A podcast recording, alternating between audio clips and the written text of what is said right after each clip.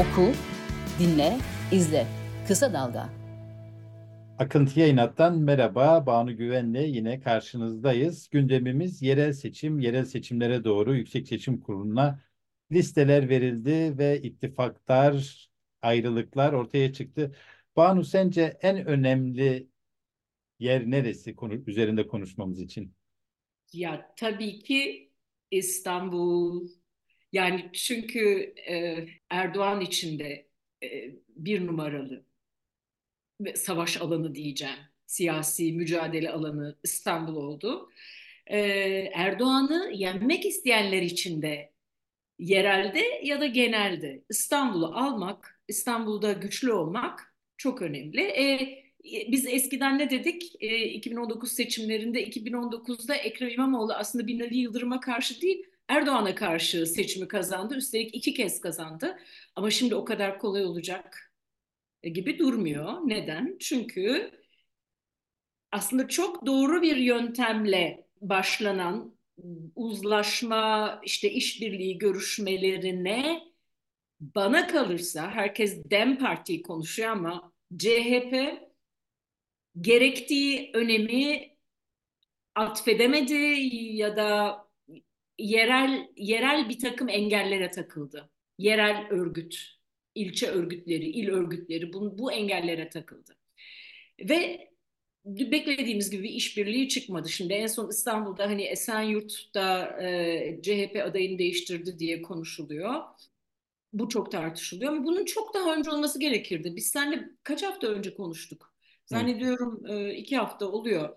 E, yani orada da ya da üç hafta oluyor belki. Orada da e, aynı şeyler konuşuluyordu. Yani belediye meclisinde DEM Parti'nin belli bir sandalye sahibi olmak istediği, bu talebi aktardığını ben kaynaklardan e, öğrenmiştim, konuşmuştuk seninle. Hani bu da bir sır mı? Yani o sırada çok fazla konuşulmuyordu belki. E, Sancaktepe ya Sarıgazi falan böyle e, bir takım ilçelerde de İstanbul'da. Bunlar önemli ilçeler DEM Parti'nin e, oylarının kuvvetli olduğu için. Yani burada çok uzun sürdü. Gereğinden fazla git gel oldu. Esenyurt'ta mesela yani. O liste oluşturulurken daha önceden de DEM Parti'nin talebini bir uzlaşma olarak kabul edebilirdi. Yani ben şu soruyu CHP, şu soruyu sormak istiyorum bak Kemal.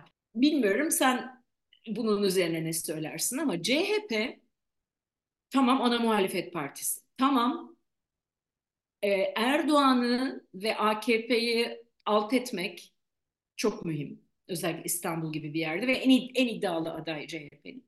Fakat bütün muhalefet partileri ve özellikle de DEM Parti'nin asli görevi midir CHP'yi iktidar yapmak, CHP'yi sandıktan çıkarmak? Ne olursa olsun, kayıtsız şartsız.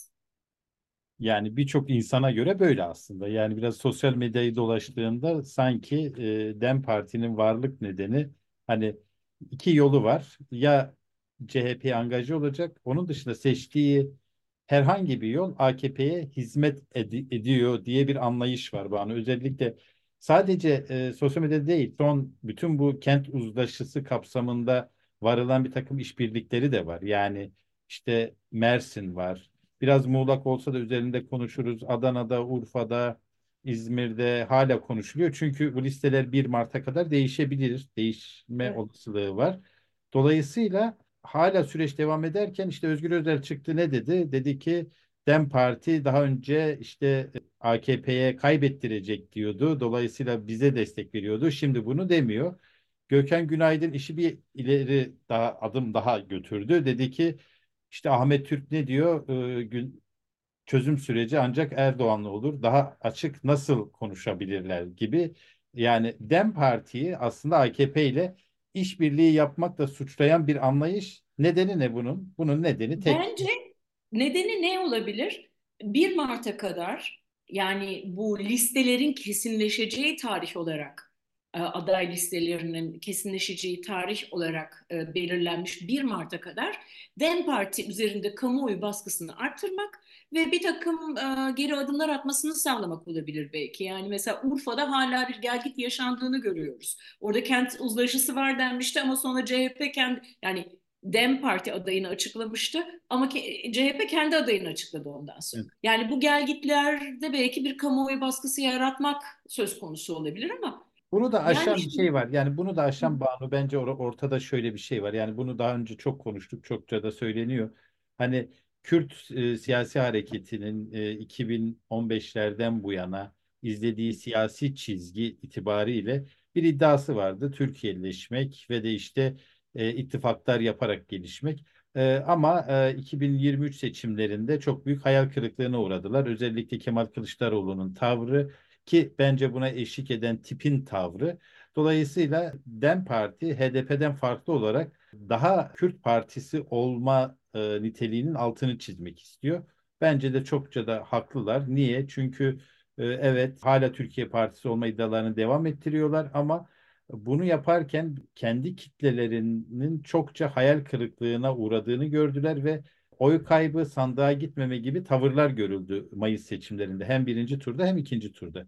Yanı sıra yanı sıra e, bütün bu süreçlerden DEM Parti'nin e, ya da Kürt siyasi hareketinin tırnak içinde bir politik kazancının da olmadığını görüyoruz. Yani bir politik kazançla da çıkamadılar. Hala eş başkanlar içeride, hala e, kayyum politikasından vazgeçildiğine dair bir açıklama yok. Hala ikincil görülüyorlar, hala meşru görülmüyorlar. Yani hatırla işte Özgür Özel dedi ki biz her şeyi meşru yapacağız dedi ama bütün bu süreçler yine öyle gelişmedi. Bir kent uzlaşısı kavramıyla yeni işbirlikleri yapmaya çalıştılar. Ee, ama orada da yine çekinik duruyorlar. Yine ne yapıyorlar? Ee, AKP MHP diliyle Dem Parti'yi karşı tarafta olmakla yani bizim yanımızda durmuyorsan AKP'nin tarafındasın e, diye suçlayan bir dili yeniden üretiyorlar. Dolayısıyla ama yine de bir kent uzlaşısı var ve biraz belki onu konuşmamız gerekir. Yani Evet ama burada ben bir şeye daha girmek istiyorum Kemal. Bak Dem Parti için tartışılan bu konu tabii ki daha önceden bir çözüm süreci var.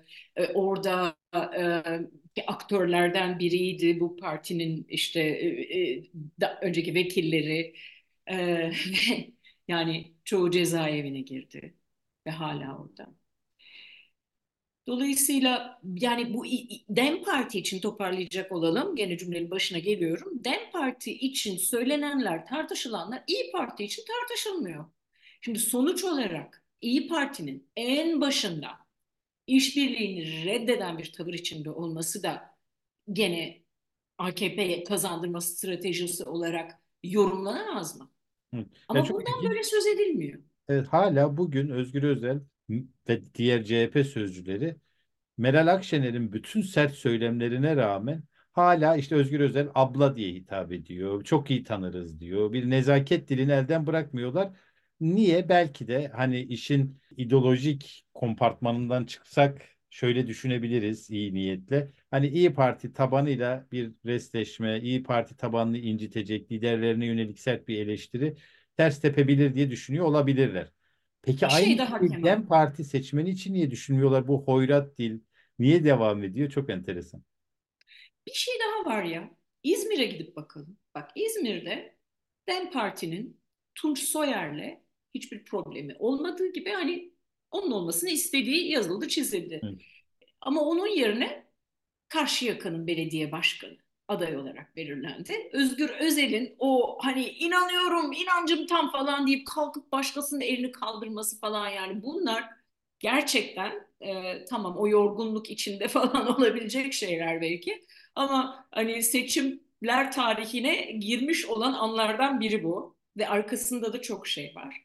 Şimdi kent uzlaşısından söz ediyoruz. Bu çok doğru bir yaklaşım dedik. Çünkü Türkiye genelinde bir böyle e, e, bütünsel bir e, ittifak içinde hareket etmesi partilerin çok zor. Yerel seçim söz konusu olduğunda özellikle. Doğru olanı kente, illere, ilçelere göre e, hatta e, kimin güçlü olduğuna bakarak bir takım stratejiler belirlemekten anlaşılamayan yerlerde de ayrılır tamam ama belli noktalar çok önemli. Şimdi İzmir'de kim olsa belki CHP'nin adayı anti Erdoğanizm yüzünden de İzmir'in layık tutumu sebebiyle de kazanacak belki ama CHP'nin bugünkü yönetiminin üstü fena halde bu açıdan bazıları tarafından yani bazı seçmenler tarafından çizilmiş olabilir.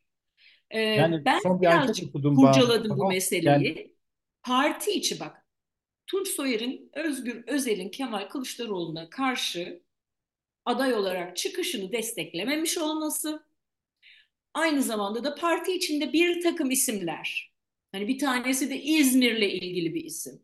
Bunlarla bir şekilde ter, yani çıkarlarına hizmet etmemiş olması gibi bir sonuç, bir sebep var e, aday Evet. gösterilmemesinin ardından. Yani genel olarak baktığımızda zaten yerel seçimler ye- yerel çıkarların da baskın olduğu hani milletvekili seçimlerinde de öyle ama yerel seçimlerde bunu daha pür görebiliyoruz. Bu parti değiştirmeler vesaire işte önce CHP'li sonra gidiyor AKP'den aday oluyor ya da İyi Parti'den AKP'ye geçişler çok oluyor. Bu yerel çıkar gruplarının baskısı ve yerel çıkar gruplarının belirleyiciliği çok açık. Yani Hatay'da Lütfü Savaş örneği. Yani Evet. Niye alamadı? Ee, Şimdi aslında Hataylıların tepkisini gördü CHP. Değiştireceğine dair bir takım demeçler de oldu. Yeni anketler yapıyoruz falan denildi. Görüştü Özgür Özel Savaş'ı ve fakat gördük ki hayır değiştiremiyor. Niye? İşte CHP Genel Merkezi'nde gazeteci arkadaşlarımızın verdiği artık kulis bilgiye göre Hatay'daki ilçe yöneticileri falan hep Lütfü Savaş'ın e, etkisinde ve de Lütfü Savaş aday gösterilmezse toplu istifalar yaşanacağı falan yönünde genel merkezde tırnak içinde bir tehdit var.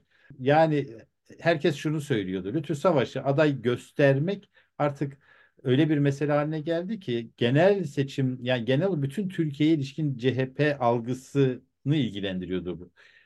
Ve fakat bundan vazgeçmediler. Bu tepkiye rağmen o yerel baskı gruplarına e, boyun eğdiler. Bence Lütfü Savaş'ın seçilmesindense seçilmemesi yani CHP başka bir aday gösterseydi ve o seçilmeseydi CHP açısından daha olumlu bir tablo olacaktı. Daha onurlu bir tablo olacaktı. Ben Gökhan Zan'ın büyük şansı olduğuna inanıyorum bu arada. Hani tip belli yerlerde bilmiyorum Hatay'la ilgili bir kamuoyu yoklaması görmedim ben.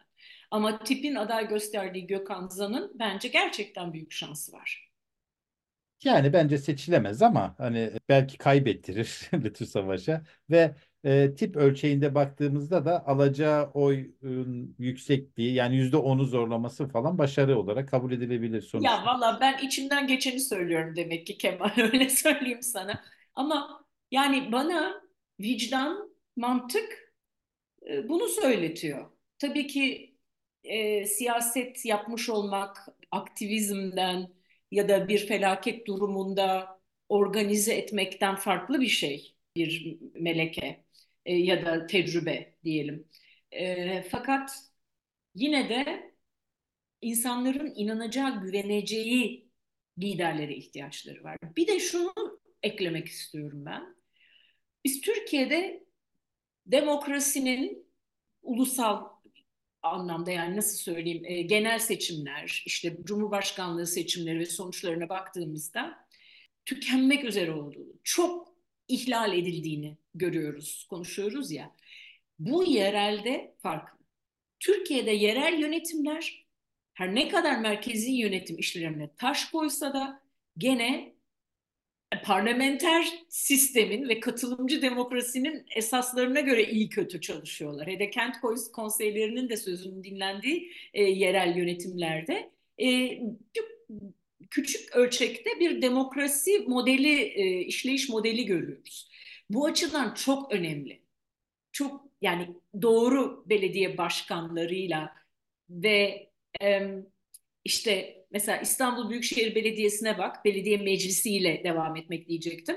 E, orada Büyükşehir Belediye Başkanı e, Ekrem İmamoğlu ama çoğunluk AKP, MHP'de değil mi? O kadar çok işe taş koyuldu ki hatırla oylamalarda. Ama bu yani demokratik bir işleyiş ve dolayısıyla sadece yerelde var artık. Yani yerelde de çok kısmen. Yani senin iyimser bakış açını anlayabiliyorum ama e, Bahadır'ın bir yazısı vardı. Bahadır Özgür'ün İliç'le ilgili bu maden evet. e, meselesiyle ilgili. Orada tabana da yayılan bir çıkar ağından söz ediyordu. O çıkar ağı nasıl oluşturulmuş? Bir uluslararası şirket var. İşte Kanada mı Amerika mı olduğu çok tartışmalı. Geçen sefer evet, de tartıştık. Evet biz Amerikalı demiştik. Sonra kısa dalgadan İbrahim ikinci araştırdı. Aslında Kanadalı ama o bağlar gizlenmiş vesaire. Kanadalı bir sürü firma var. Önemli değil orası. Orayı geçiyorum. Geçelim. Ve de yerli işbirlikçisi var. İşte e, Çalık Holding. Ve fakat asıl orada Erzincan'da onların e, bu kadar rahat çalışmasını sağlayan hani bir Bergama gibi ya da başka herhangi bir yerdeki madenlere karşı çıkan halkın direnişini engelleyen şey ne orada? Çıkar odakları. Yani e, yereldeki güçlü ailelere verilen taşeronluklar. O taşeronluklardan o kadar iyi paralar kazanıyor ki ama aynı ailede birisi taşeron ve çok büyük para kazanıyor. Diğeri e, madende kalmış, ölmüş. Yani o toprak altında kalmış, ölmüş. Dolayısıyla bu feodal bağlar hala tam çözülmeyen, özellikle Taşra'da tam çözülmeyen feodal bağlarla çıkar grupları üst üste biniyor. İşte o taşeron şirketler ne yapıyor? Bir tür aile şirketi ailedeki birileri zengin olurken diğerleri madende işçi oluyor, toprak altında kalıyor, ölüyor. Biraz yerel yönetimlerde de ne yazık ki işte o hani ekonomik demokrasi ile politik demokrasi, siyasal demokrasiyi aynı anda sağlamadığımızda hani evet yerelde de bir takım katılım mekanizmaları var, katılıyorum ve o katılım mekanizmaları önemli. Onu küçümsemiyorum. Ama işi hani bir öz yönetime doğru gitmekten alıkoyan şey Türkiye'deki bu yerel çıkar odaklarının işte maden örneğini verdim ama belediyelerde de işte yönetimlere katılırken de daha güçlü olması yani çıkar eksenli e, bu çıkar da şöyle değil aslında politika sınıfsal çıkarlara göre işlemesi gereken bir süreç yani diyelim işçilerin kategorik olarak kendi ekonomik çıkarlarını savunmaları gereken bir şey. Ama orada hayır işte bu tür feodal dere, derebeylikler gibi onların kendi çıkarlarını savunduğu ama öz olarak kazananın, zengin olanın, sermayenin çıkarlarını savunduğu bir süreç işliyor. Ee, Evet. O yüzden hani yerel yönetimlere bakarken evet çok önemli katılım yönü e, hala önemli ama Bu mekanizma önemli da çünkü. bu şeye de yansıyor. Bu bahsettiğim çıkar grubu yapısı belediye başkan adaylıklarına, seçime ve oradaki transferlere de doğrudan yansıyor. Bir takım yerel sermaye gruplarının işte o rant bölüşümünde daha az pay alan ama yerel ölçekte olduğu için de önemli olan o grupların belediyeleri, taşradaki yönetimleri domine etmesi. Bunun karşısına çıkacak alternatif belediyecilik örnekleri Türkiye'de e, yok mu? E, e, vardı işte çok bilinen işte Fatsa deneyimi, işte e, Hmm. çok incelenmedi. Genelde bir medyanın olumlu, muhalif medyanın olumlu algısı nedeniyle de bence çok masaya yatıramadık. E, ama Fatih Maçoğlu'nun önce Ovacık'ta sonra Dersim kent merkezindeki deneyimleri. Yine Dersim'de sadece Tabii Maçoğlu'nun Ovacık faslı başka, Dersim başka tutuluyor. Evet ve de e, aslında Dersim'de başka e, kendisine sosyalistim diyen, komünistim diyen belediye başkanları da oldu. E, onların partilerin adında komünist olmadığı için Maçoğlu'na e, şey oldu bu. Etiket Maçoğlu'na e, Evet. hediye edilmiş oldu. İlk komünist Ama. Ovacık'tan başladı ve mühimdi. Çok güzel bir örnek oldu. Evet evet. E, ama demem o ki e, burada e, evet belediye meselesi de gerçekten yerel yönetimler meselesi de katılımcılık ve demokrasi sınavı verdiğimiz yerler. Bir Evet. e, dikkatini çektim bilmiyorum. uzlaşmasında pardon sen devam et. Ben e, o sırada bir notuma bakacağım. Devam et lütfen. Hı. Tamam. Şimdi bu şeyi e, konuşmak istiyorum ben asıl. Bütün o başta değindik ya e, DEM Parti'ye yönelik söylem ve de İyi Parti'ye yönelik söylem farkı. Hı hı. E bir şey ortaya çıkıyor. Bu Mayıs seçimlerinde de vardı. Şimdi bir fiili e, bir resmi Cumhur İttifakı var. Yani resmi Cumhur İttifakı'nda Evet. olan partiler belli. Hala da belli. E, işte AKP, MHP resmi Cumhur İttifakı'nın omurgasını oluşturuyor. Diğer partiler gelip gidiyor vesaire. Ama bir de fiili Cumhur İttifakı var. Yani e, mesela bence İyi Parti fiili Cumhur İttifakı'nın en önemli üyesi şu anda. Ha Mayıs'ta Çok güzel söyledin. Mayıs 2023'te Muharrem İnce bu fiili Cumhur Aa, o da üyesi değil mi? O da Tabii, fiili yani, yani fiili Cumhur İttifakı'ndaydı. Ee, Tabii o, o Özdağ bir şekilde bence rehin alındı. Bak söyleyeyim sana. yani Rehin e, alındı. Evet, yani ne olduğunu bilmiyoruz. Nasıl bir rehinlik durumu var bilmiyoruz. Sadece siya politik alanda değil, bu fiili Cumhur İttifakı Mayıs seçimlerinde de şimdi de öyle esneyebiliyor ki. Mesela Mayıs seçimlerinde bence bir takım gazete ve gazeteciler, e, hani muhalif görünen, E, bunlar da bu fiili Cumhur İttifakı'nın en önemli bileşeniydi. Yani hiç sakınmadan söyleyebilirim. Oda TV. Ha, söyle mesela- kim bakayım? Oda TV bence mesela bütün seçim dönemi boyunca Cumhur İttifakı'na hizmet etti. Bir çok takip ediliyor mu Allah aşkına? Saygınlığıyla takipçi sayısı arasında bir orantısızlık var. Bu Çok güzel orantısızlık- söyledin Kemal. Evet. Yani e, takip ediliyor tabii. Hani e, ben tıklama sayılarını yakından takip ediyorum işim gereği. E, Ben esas- etmiyorum aslında. Ya ben etmiyorum. sen, Google evet, aradığımda bir şeyler aradığımda bazen karşıma çıkıyor falan ama izleyicilerimize de neyse şimdi daha ileriye gitmeyeyim burada durayım ben Evet. evet. Yani Oda TV gibi bir takım mecralar da bu fiili Cumhur İttifakı'nın bileşeniydi bence. Politik alanda işte Muharrem İnce öyleydi. Ümit Özdağ, Sinan Oğan ki sonradan resmi olarak e, katıldı o ittifaka. Bu seçimde de bence Meral Akşener fiili Cumhur İttifakı'nın en önemli bileşeni oldu. Ya söylemlerine inanılmaz. Hani dün mesela öyle bir şey söyledi ki diyor ki ya bazıları beni yakından tanıdığını söylüyor, tanıyıp sevdiklerini söylüyor. Böyle bir şeyi bana nasıl söylerler? Devamında ne diyor biliyor musun Banu? Bilmiyorum okudun mu? Diyor ki Okumadım. benim eşim başka kadınlara böyle diyebilir mi? Bu ahlaksızlık. Yani nasıl bir bağlantı kurdun? Nasıl bir böyle bilinç çarpılması? Ben okuyunca inanamadım. Hani bunun mesele olacağını düşünüyordum. Hangi Sanırım- bağlamda bunu söylemiş ya? Ben bilmiyorum. Yani o gözüme çarpmadı dün. Başka Evet, evet şeylere ama aynen bunları söylüyor. Yani muhalefete öyle yerlerden saldırıyor ki işte bugün yine e, Atatürk'ün partisindekiler demleniyor gibi bir şey söylüyor. Onu diline pelesenk etmiş.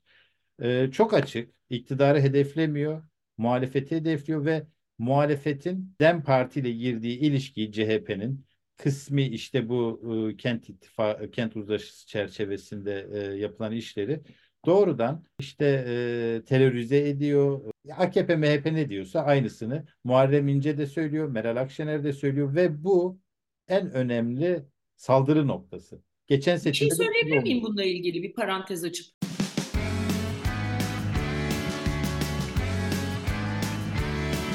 Kulağınız bizde olsun. Kısa Dalga Podcast. Ya da daha kuvvetli bir ortak payda var. Peki ben burada Alan ama- olarak olmasa da kuvvet olarak öyle. Merkez. Çekirdek. Biz seninle ilk yayınımızda da bir çekirdekten söz ettik Evet, ya. İşte o çekirdek. Çekirdeğe, çekirdeğin çekiminde İyi Parti. Evet.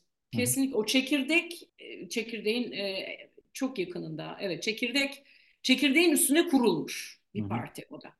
Benim orada en çok merak ettiğim şu Banu. Ee, Şimdi Söyle. anketlerde vesaire hep İyi Parti seçmeni ile ilgili şöyle bir sonuç ortaya çıkıyor. İyi Parti seçmeni iktidarın politikalarına en çok itiraz eden seçmen grubundan biri. Hatta birçok meselede diyelim ki dış politika ile ilgili bir soru soruluyor ya da işte gündelik siyasetle ilgili bir soru soruluyor. Geriye dönüp bakılıp bunlar tek tek ortaya konabilir ama hani ben bunları çok iyi incelemiş biri olarak söyleyeyim. İyi Parti seçmen grubu bazen CHP'lilerden hatta bazen DEM partilerden daha fazla itiraz ediyor. Niye? Aslında İyi Parti seçmeni dediğin gibi ideolojik olarak milliyetçi ve seküler bir seçmen tabanı var.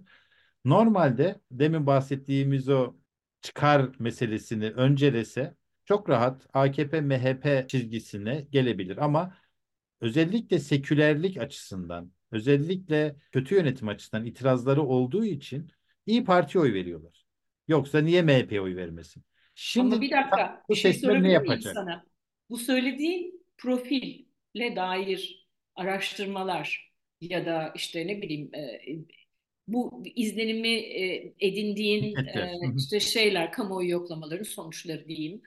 E, hangi tarihten? Yani unutmayalım ki yerel seçimlere gelirken, aday belirlenirken İyi Parti ile bir kopuş iyice belli olduğunda İyi Parti'den yani İyi Parti'ye CHP'den kaymış olan oyların orayı terk ettiğini gördük. Bugün İstanbul'da mesela CHP adayının e, hangisi? ORC'nin e, anketinde miydi neydi? 5 civarında falan e, oy potansiyeli olduğunu görüyoruz. Yani ben ne dedim? CHP dedin mi? Hayır, hayır, İyi Parti'nin evet pardon.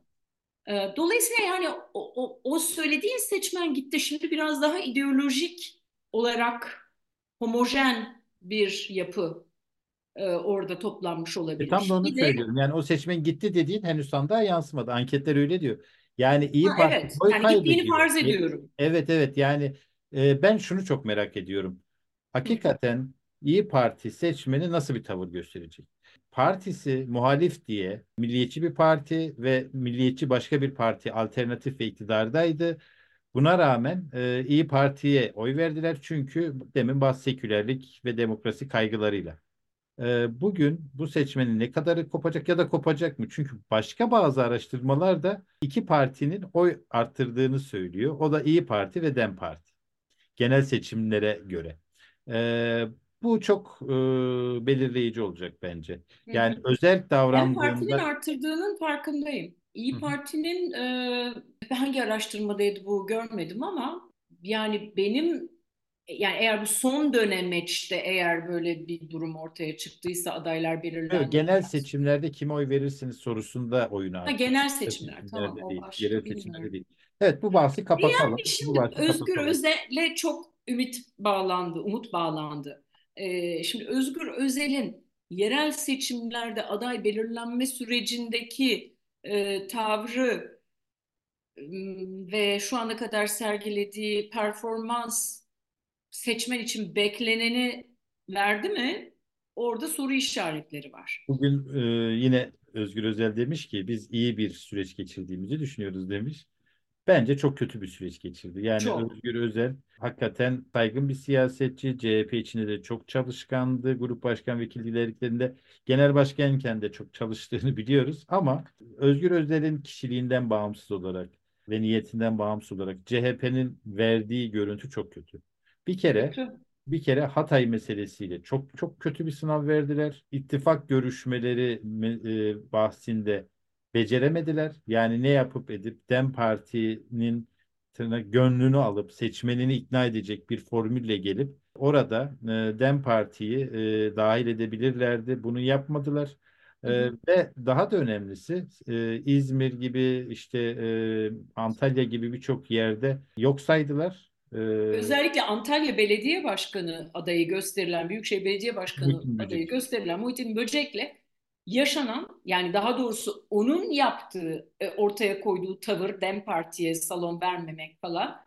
Hani bunlar çok tartışıldı. Şimdi sen gidip kent uzlaşması içindeyiz, uğraşıyoruz derken bir taraftan da e, yani Dem Parti ile el sıkışmayan e, bir adayı gösterirsen, ısrar edersen bunda bir takım kapıları kapatmış olursun. Ondan sonra yani CHP diyor ya Dem Par- yani daha doğrusu Özgür Özel demiş ya eski strateji farklılığımız var demiş. Daha önce AKP'ye seçim kaybettirme stratejisi Evet. vardı doğru. Şimdi de bize seçim kaybettirebilir. Muhalefete seçim kaybetti yani seçimi kaybettirme iddiasında diyor. Ya bence CHP kendini belli yerlerde seçim kaybettirecek adımlar atıyor. Yani için ne neden kendine yapıyor. dair bir eleştiri yapmıyor burada parti? Tabii zor yani bunu biz yapabiliriz de Özgür Özel o pozisyondayken yapamaz. İleride yapacaktır ama belki bilmiyorum.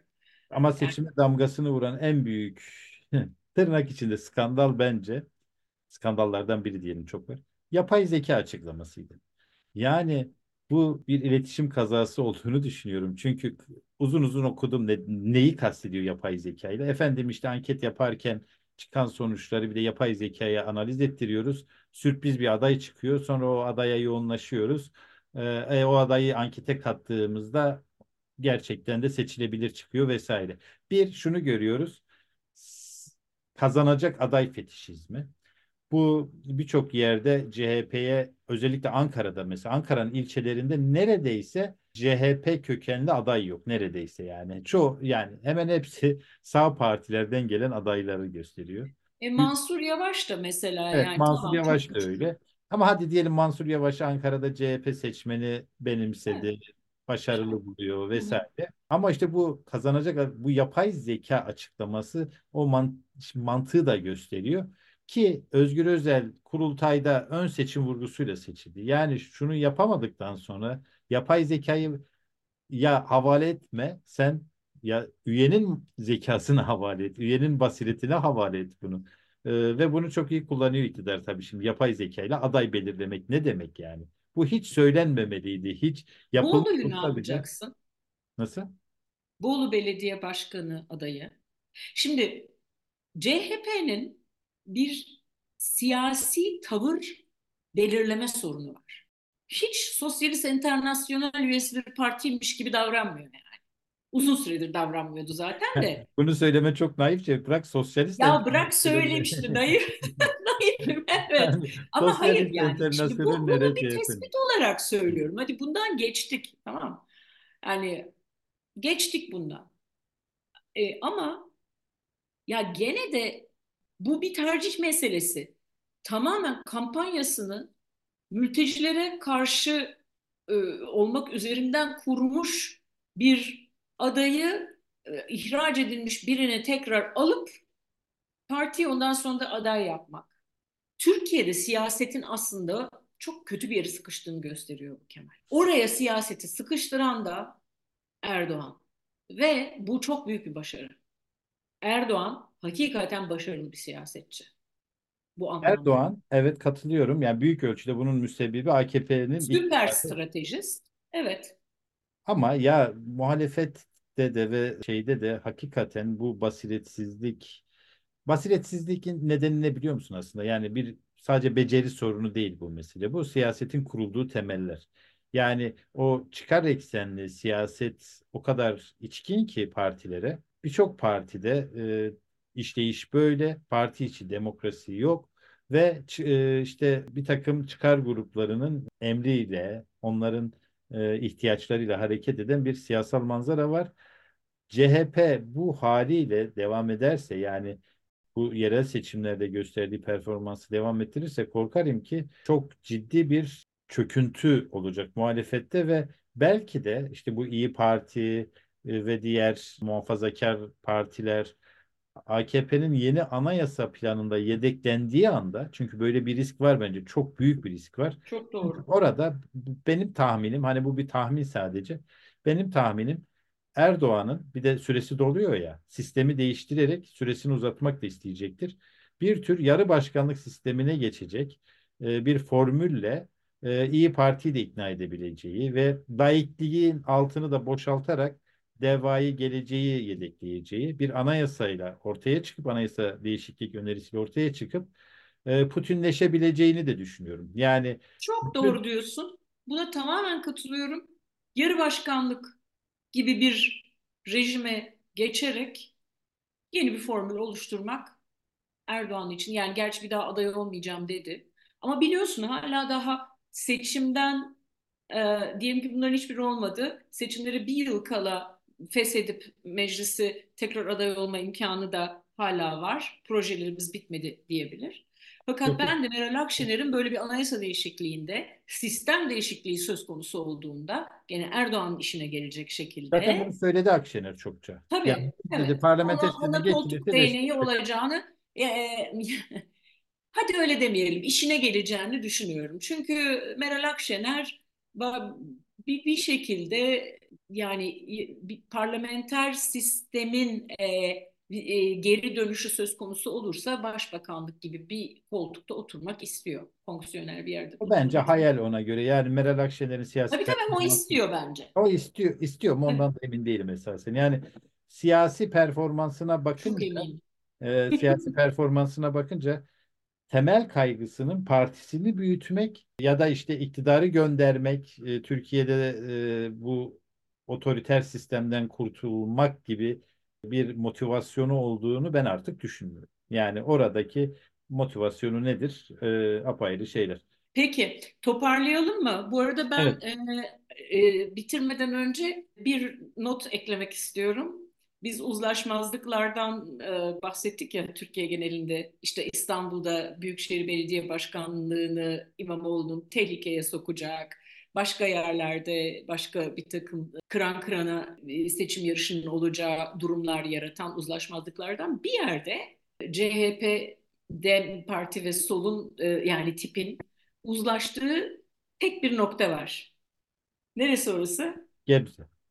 Evet. Erkan Baş ismi üzerinde uzlaşmış herkes. Ee, yani bütün bu üç partide. Yani demek ki yani iyi bir sonuç alınabilir oradan bakalım. Ya Onu bunun da göreceğiz. bir tipe nasip olması da enteresan yani. Tipe Tipi yani nasip ama evet evet Çünkü yani yani Mayıs seçimlerindeki tutumlarını düşündüğümde e, ama evet de iddialarıyla örtüşen e, bir girişimdi o. DEM Parti ve CHP de destek verecek buna. E, hayırlısı diyelim. Bak Mersin'de de işçi kenti ve burada DEM Parti'nin tavrı, CHP'nin de tavrı bence Türkiye geneli için örnek olmalı. Yani tip adayı gö- gösterildi diye değil.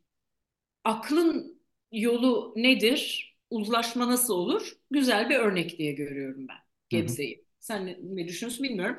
evet, Bir evet. not daha Çankaya'da e, meslektaşımızın İrfan'ın yarışıyor olduğunu hatırlatalım. İrfan Değirmenci Çankaya adayı Evet. için orada çok büyük bir tepki var CHP'ye. Çok genç adını unutuyorum hep Hüseyin Can Güner'di sanırım Çankaya Hmm. Belediye Başkan adayı. Yani genç olması iyi bir şey. O da avukat Evet. meslektaşımız oldu. Benim meslektaşım e, bir yandan. Ama e, Hukukçu. Evet hukukçu. Ama. Çankaya adaylarını düşündüğümde ve bu arkadaşın Özgür Özel ve Veli Ağbaba'yla daha önceki yakınlıkları e, hesaba katıldığında e, ben çok ismini de çok açıklıkla kısa dalga yazarı olduğu için de değil asla. Tezcan Karakuş Candan'ın aday gösterilmemesini gerçekten anlayamıyorum. Çok da çalıştı öncesinde. yani Yani neden aday olması yıl gerektiğini değil. Çok anlattı, çok yazdı, çizdi. Doğru yani. Yani yıllardır, 10 yıldır, 15 yıldır Mimarlar Odası e, Ankara Şube Başkanı olarak hem Melih Gökçe'ye karşı önce hem e, saraya karşı çok ciddi bir mücadele yürüttü. E, Ve de Melih Gökçek şunu söylemişti. E, Yapacaklarımızın %50'sini Mimarlar Odası engelledi diye. O, o bu onun için bir gurur nişanesi. Kendisi de Evet. ifade ediyor. Ve e, aynı zamanda da Çankaya Belediyesi'ndeki görevinden ihraç edilmişti.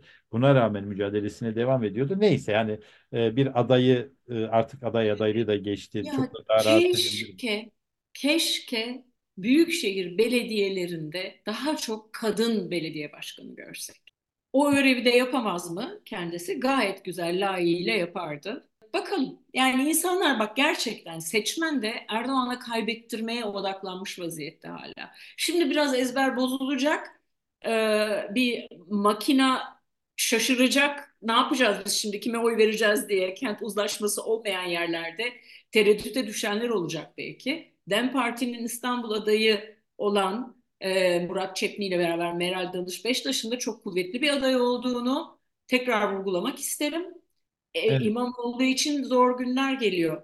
İstersen yani bunda da son derece tabii ki meşru bir e, şey yarış zemini bu. Seçim adı. Orada Evet, öyle bir ikilem işbirliği yapılacaksa da hep bana hep bana demesi bir partinin e, Evet. bizim adayımız kuvvetli gel ne olursa olsun bizimkini destekle. Biz sana listelerden çok istediğin kadar yer veremiyoruz ama sen bizi desteklemelisin. Yoksa vebali üstüne kalır demesi hiç hakça değil açıkçası. E, Evet, yeterince yani de 22 zamanları vardı. yerde Yani bunun sorumlusu DEM Parti demek e, tek başına doğru değil. Hı hı. Bu kadar. E, 22 yerde aday göster 22 ilçede aday gösterdiler İstanbul'da. Diğerlerinde göstermediler ve CHP'ye Evet. destek verecek diğer yerlerde. Evet. CHP bu e, kent uzlaşısına İstanbul Büyükşehir Belediyesi'ni katacak formüllerle gitseymiş de çünkü şu açıdan çok önemli. Ekrem İmamoğlu'nun kişiliği falan hiç önemli değil bu aşamada. Biz 2028'de Cumhurbaşkanı seçiminde AKP'yi olası Erdoğan adayı ol- olmaması gerekiyor hiçbir şartta. Ama işte e, Yok onu esnetecekler işte anayasada onlara göre evet var evet o. yani bir formülü bulacaklar. E, dolayısıyla biz en güçlü adayın e, gücünü devam ettirip ettir hatta adaylığını devam ettirip ettirmeyeceğine dair bir seçim olacak bu. Yani 2024 seçimi aslında 2028'in sonucunu öyle ya da böyle çok ciddi etkileyecek. E, ve AKP 2024 seçiminde İmamoğlu eğer kaybedecek olursa bence CHP içinde olacaklara dair konuşacağımız çok şey olacak. Bak onu Evet. söyleyeyim sana. O yüzden de bence o iddiası her halükarda devam edecektir. Pardon bir şey daha söyleyecektim. Ben gene dayanamayıp yok e, artık burada keselim çünkü süreyi Tamam. çok açtık. Sonunda senle Hatay'da Gökhan Zan e, yüzde on alırsa iyi dedin. Sen ben yüzde onun üstünde alacağını e, iddia ediyorum. Bir iddiaya gi- girelim senle gel. Peki ben %10 alırsa iyi diyorum. Sen ne diyorsun? Ben yüzde ondan fazla alacak diye düşünüyorum. Tamam %10'u geçerse sen kazanıyorsun. Yüzde Peki ne olacak ben kazanınca? e, onu programdan sonra kararlaştıralım. Bilmiyorum ama izleyicilerimizle de paylaşalım ve Tamam dinleyicilerimizle. peki ne istiyorsun? Bilmiyorum, düşüneyim ben de. Gelecek programda, bir dahaki yerel seçim konuştuğumuz programda söyleyeceğim sana. Tamam peki. Düşüneyim. Tamam. İddia konusunu kararlaştıracağız. Tamam. Tamam. E Evet. şöyle yapacağız. Hatay'a, beraber Hatay'a gideceğiz seninle. Tamam. Hatay'a gideceğiz. O zaman Hatay'da yemeğine diyelim. Hatay'da yemeğine, Gökhan Zan'la yemeğine. Tamam. Onu da alırsak süper olur. Ama kazansın kazanmasın. Biz Hatay'a gidip Gökhan Zan'la bir yemek yiyelim Tamam. bence. Tamam peki anlaştık. Tamam. Yani tabii ki kenti dolaştıktan sonra. Hı hı. Umarım Hatay için daha iyi bir dönem başlar ama işte nasıl olacak? Hatay'ı da ayrı bir zaman konuşuruz belki. Evet. Dinleyenlere çok teşekkürler. Yeniden görüşmek üzere. Görüşürüz, hoşçakalın.